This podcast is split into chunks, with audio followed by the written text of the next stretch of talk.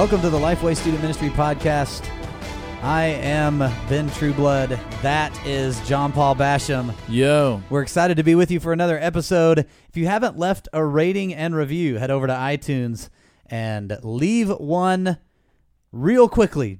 Just head over there now. It takes 30 seconds. It helps people find the podcast as well. So just as a reminder, the reason why that we, we why we do this podcast uh, is to encourage and inform student ministry leaders at every level. So if you're a volunteer student ministry leader, bivocational, you're on staff somewhere, we do this for you to inform about student ministry, to encourage you in student ministry, and personally as a leader, we want it to be practical and philosophical. So hopefully you find those things to be true. We're glad you're a part of our podcast family. Here are some other members of the podcast family that have left a rating and review. We just want to take an opportunity to read a couple of these. Uh, one, the Flying Squirrel Oh. has left a review. It says, I've listened to several of these podcasts in the past few days and I love it. All in caps. Why, Flying Squirrel? Why do you love it? And why did you choose the name Flying Squirrel? I'm, I'm, my curiosity's piqued. I really do want to know. Yes. He or she says, "Great hosts, great topics. I am going. Uh, I'm going to pass these on to our student ministry volunteers. Thanks, guys." Uh, the Crumb family also says there are a ton of podcasts out there. There are some good Stewmen podcasts, but I have found the Lifeway Student Ministry podcast to be the most helpful podcast out there. Yeah. These guys provide insight into every area of student ministry as a person who transitioned to a new church. The podcast on volunteer development have been a huge blessing. Keep up the good work. And then uh, Ryan Does left a review. Is that like Bo knows? Yes, maybe. It might be Does. They're spelled the same. Could be does. But anyway, Ryan says, currently I am serving at a small church in Nebraska as a volunteer youth leader, and this podcast has been essential. So much great content that every youth leader should take full advantage of if possible. Thank you guys. You're welcome. We do this for all of you. Thanks for listening. It's cool to hear from it's cool to hear from people. It is cool. We we enjoy that and with humility we want to keep doing these for you and we're glad that you love it. We hope that you continue to love it. If you want to reach out to us directly, carry the conversation on outside the podcast, you can reach us at Ben Trueblood and at John Paul Basham. Names are spelled just like they sound. So hit us up on Twitter. We'd love to take the conversation outside the podcast. And without further ado, should be some kind of music right there. That's great. So, without further ado, we're going to jump into today's podcast, uh, which is a topic that I think you are going to enjoy and is going to drive you into more conversation um, outside the podcast, maybe with your volunteer leaders or other student ministry leaders at your church. We're going to talk about uh, what research has revealed as the five biggest influencers on your child's spiritual health. All right. So this does use the word child, but the research was done all the way through children and student ministry. If you want to find out more about this research, uh, we're going to be talking, um, just to give you five of these things. There's 10 total, and there's a lot more information in the book called Nothing Less Engaging Kids in a Lifetime of Faith. So I want to encourage you to check out that book, in uh, Nothing Less, Engaging Kids in a Lifetime of Faith. Um, that is the book that goes along with this research that was just studied. All right. So uh, it was done on 2,000 adults who had finished their parenting journey with one or more kids now between the ages of 18 and 30. So this survey was of parents who have kids in the age 18 to 30 who are living for Jesus and what they said were the biggest influencers in their kids learning to grow up in their faith and grow in their faith during your ministry ages. Uh, so during student ministry and during children's ministry, these are the things that this research found were the five most influential for them living for Jesus now after high school, which is an important thing, right? Like, because we always talk about how we want Uh, we want students to stay connected to the church and continue living for Jesus after they graduate.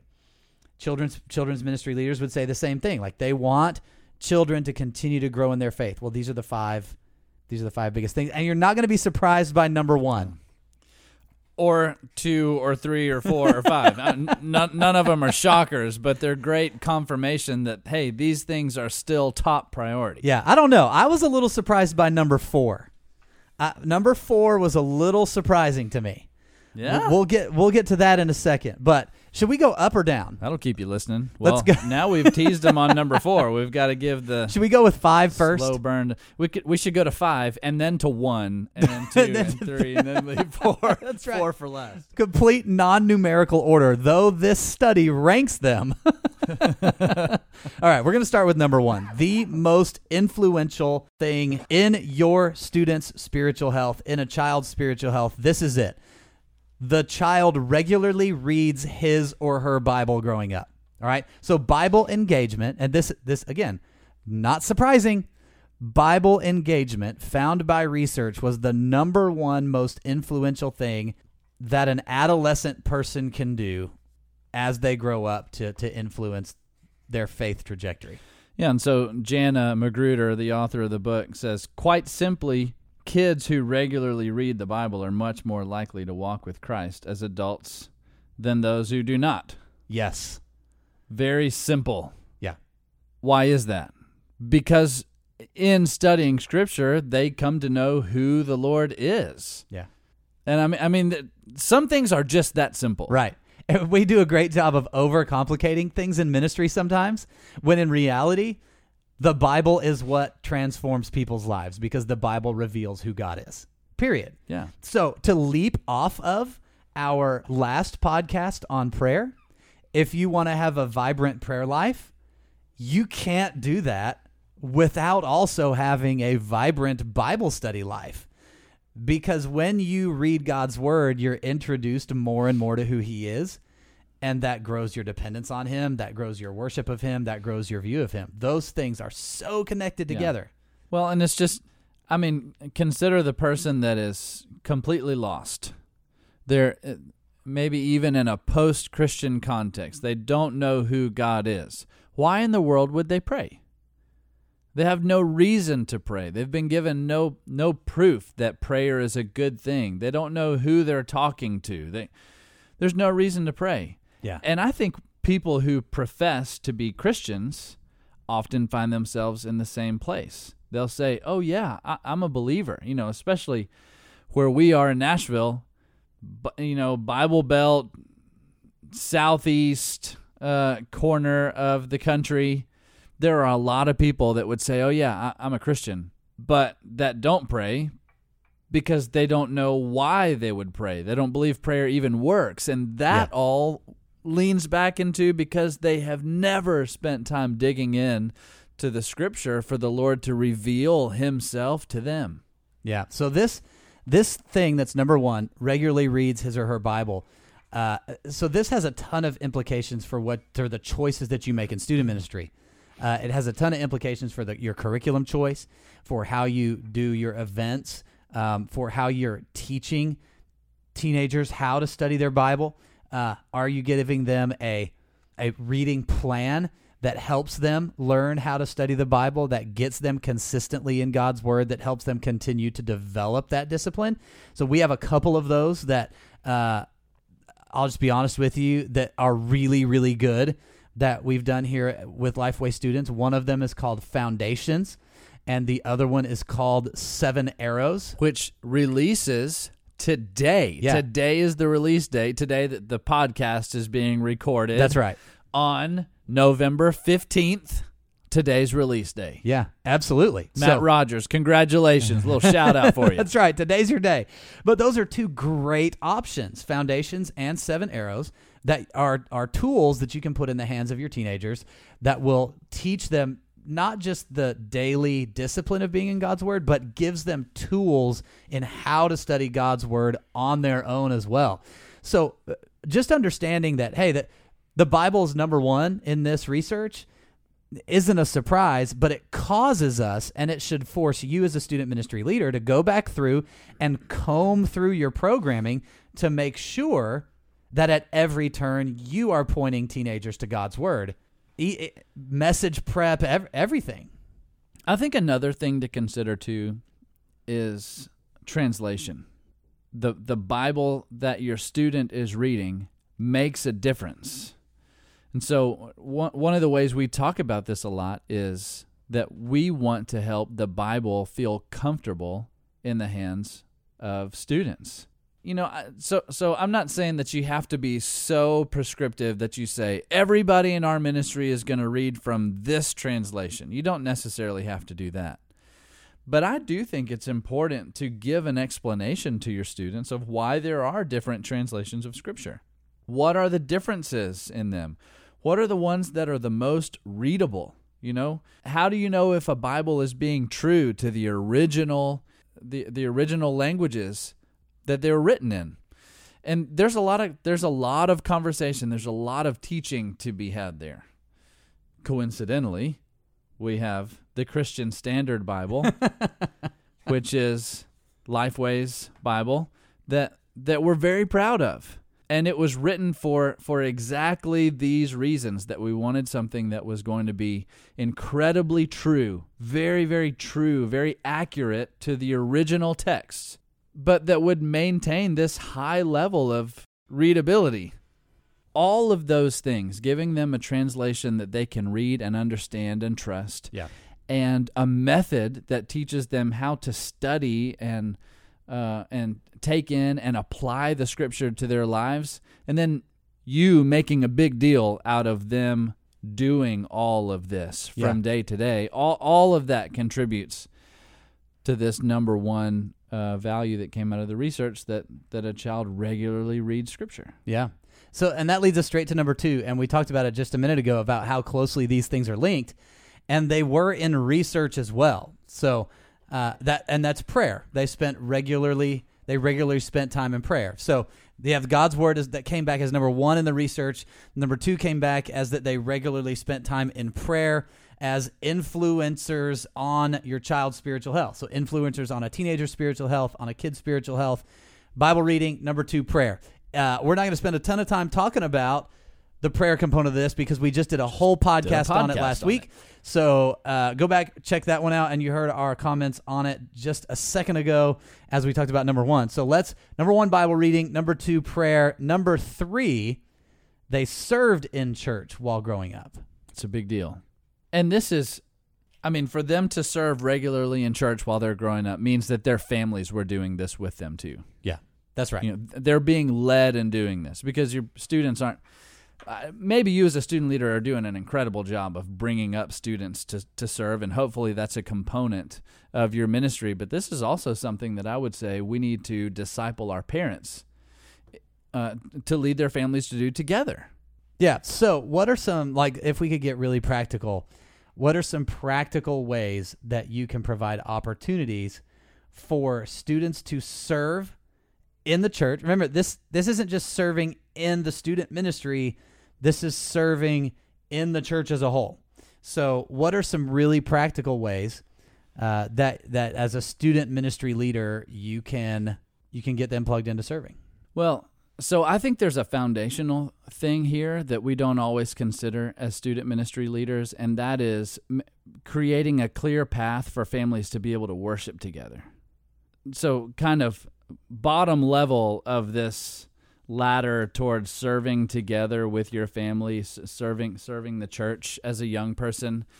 I think part of that equation is being in church together as a family and then offering opportunities for those families to dig deeper in that experience of worshiping the Lord because that is that's a a huge element of that service. If we if we divorce service from worship of the Lord then then we're really just doing community service which is beneficial to the community but not necessarily to your faith the, the big deal behind serving the church is understanding that we as the body of Christ are doing this as the body of Christ and because of the the mission that God has placed on our shoulders.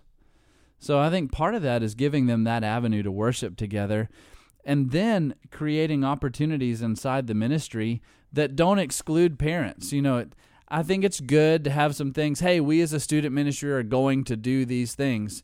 I think a lot of times we leave out those kind of uh, mission trips that are family oriented service opportunities where we're saying, hey, parents, we want you to come do this. Dads, we want you to come do this with your boys. Moms, we want you to come do this with your daughters. And part of that is just understanding that as they do this together, this conversation goes home. And the more this conversation goes home, the stronger it is when they come when they come back into our context. Yeah, that's right. So number 4. This is the surprising one to me. It wa- it wasn't so much to you as you said earlier, but number 4 is that the child listens primarily to Christian music. Now, some of you uh, uh, that are listening to the podcast were like, "I'm not surprised by." So this this is one where there there may be a little bit of a little bit of disagreement between uh, on it, but the research is the research, and what it found is that in these 2,000 parents who raised children who followed Jesus and are still following Jesus into adulthood, that they listen primarily to Christian music. What what are your thoughts there? So my boys are three and four. And one of the things that Crystal has decided that she's going to do as she's driving the boys around town is that she's only going to have Christian music on the radio. One of the motivators for that is the movie Sing. Have you seen Sing? I have not. Your kids are. I've seen the commercials for it. Well, I guess you've got a couple that would still be interested in Yeah. Sing. So you know they're singing all, all these different songs I, I love the movie but but there's one part that has kind of come back to bite us in the butt with our three and four year old and there's this i think it's like a, a group of mice that get up there and they start singing and they just say over and over and over again oh my god look at her butt Yeah. And they just they sing it over and over and i think it goes into Sir Mix-a-Lot Right. um so one day we were in Dun, dun, dun, community group and all the families are coming over to drop their kids off at our house because we host the kids and go to a neighbor's house Yeah. for a group. And one of the moms is standing there, and Levi ran up behind that No. mom and said, "Oh No. my God, look at her butt." and we were oh like, my god, mortified, right? What in the world just happened? Why did you say, Levi, come here? You know, and it turns into this whole thing. And Crystal was like, That is the best thing I've ever heard. oh my goodness. And he's like, well, I, I, I started to say he's totally clueless. I, he's four. I, he's not totally clueless. I mean, I think he saw a butt and made the connection Right. because they're eye level with with the With adult butts. butt right, Right. now. That's right. That's right. But that was one of those moments. It's like, okay, that's what he's been listening to, and that's what came out of his mouth. Yeah. And and I think that's why this value stands so high in the research. Yeah. What we're putting in their ears is what is going to resonate in their heart and mind, Yeah. That's true. and that's why it's a big deal. Yeah. And this, and you, listen, you, as a student ministry leader, you've probably preached messages or talked about media in this way. You've probably encouraged away from certain kinds of music and things like that. And I think that's good. What I think we have to be careful of is equating I listen only to Christian music to I must be actively following and seeking Jesus in all areas of my life. In, in making music like the determining factor of if someone is following Jesus or not. Yeah. Because I've been in situations where that has been touted as the like this is what you've got to do. If you're doing this or listening to this, then you're horrible Right. if you're listening to this, then you're the good Christian. And that's not the case either. So I think we can swing too hard here. And I think the principle is what you nailed is what we put into our minds and hearts is what is going to be coming out. Yeah. So And that's this doesn't that's the say, learning. This doesn't say exclusively. It No, doesn't, doesn't. say the child listens exclusively to Christian music. It says the child listens primarily to Christian music. and the and the non-Christian music in a part of that is i- is I I would wager would be music that may be secular in nature but by a Christian artist cuz let's be honest there are Christian artists who choose not to do Christian music in order to be an influence in their Yeah. In their gifting and in their artist circle but that they sing positive messages and things like that. And so I, I never want to be the person that draws the line on this issue and says Christians listen to Christian music. And, you know, like if, if you have anything besides Third Day and For Him in your, in your iPod or your cassette deck, if you're still listening to either of those two anyway, then then it's bad. But uh, the, the, again, the principle is something that we should talk about in student ministry, and that's you're going to be influenced by what you hear and what you're around, and the culture that certain kinds of music bring you and drag you into needs to be considered here. Are you ready for number five? Ready for number five. The last one. So we've had regular Bible reading, regular prayer, served in church while growing up, uh, li- primarily listen to Christian music, and the fifth one participates in church mission, mission trips and projects. Participates in church mission trips and projects. So this should be super encouraging to you as a student ministry leader because these are things that you do. These are things that you provide. So if you're not providing, mission trips and mission projects, then you should. If you're, and I would say the same thing here, John Paul, that you said in relation to church attendance and serving in church. The more that you can provide mission opportunities for parents and students to do together, the more benefit you're going to see out of this specific item on the research. Yeah. Well, and I guess, and thinking about this, I guess I kind of blurred three and five together because ser- serving in church, I think the value there is attend in church and serve literally in the church on the day of of of service. You know, during church programming, serving there together as a Yeah. family would be number three, and then number five is that you know push pushing out externally together Yeah, in the community, in yeah.